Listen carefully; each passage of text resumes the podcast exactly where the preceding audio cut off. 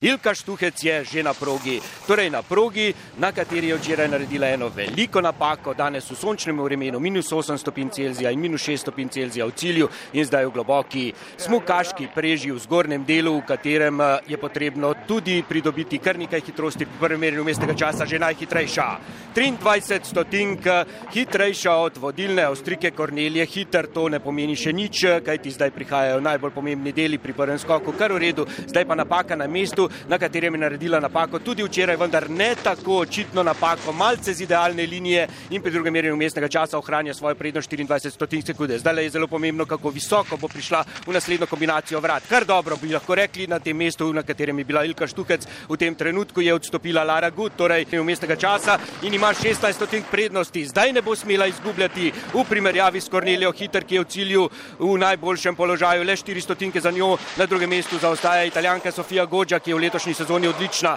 Tudi Ilka Štuhec nadaljuje v kar visokem ritmu, bi lahko rekli, pri naslednjem merjenju mestnega časa ima še 700 tink prednosti, torej šlo bo, šlo bo zelo, zelo na tesno, za centimetre bo šlo na tem smuku v Valdizeru, nima več eh, veliko pred sabo, naslednje merjenje mestnega časa bo povedalo, ali je v tem sektorju tako hitra kot Avstrika ali še ohranja nekaj stotink prednosti pred Kornelijo Hiter, pri naslednjem merjenju mestnega časa, ja, povečuje svojo prednost na 30 tinke, zdaj pa res torej še samo mislim, da nekaj metrov do cilja ali bo prevzela vodstvo. Mislim, da bo tako je. Ilka Štuhec vodi 28 stotink prednosti pred Kornelijo Hiter. Na tretjem mestu pa italijanka Sofija Gođa zaostaja 32 stotink sekunde in kar ne more verjeti, zdaj le je na snegu, povsem, lahko bi rekli, psihično, psihično utrujena, kar ne more verjeti, zdaj le se udarja po svoji čeladi, na kateri je napis sponzorja, ki je lahko še kako zadovoljen,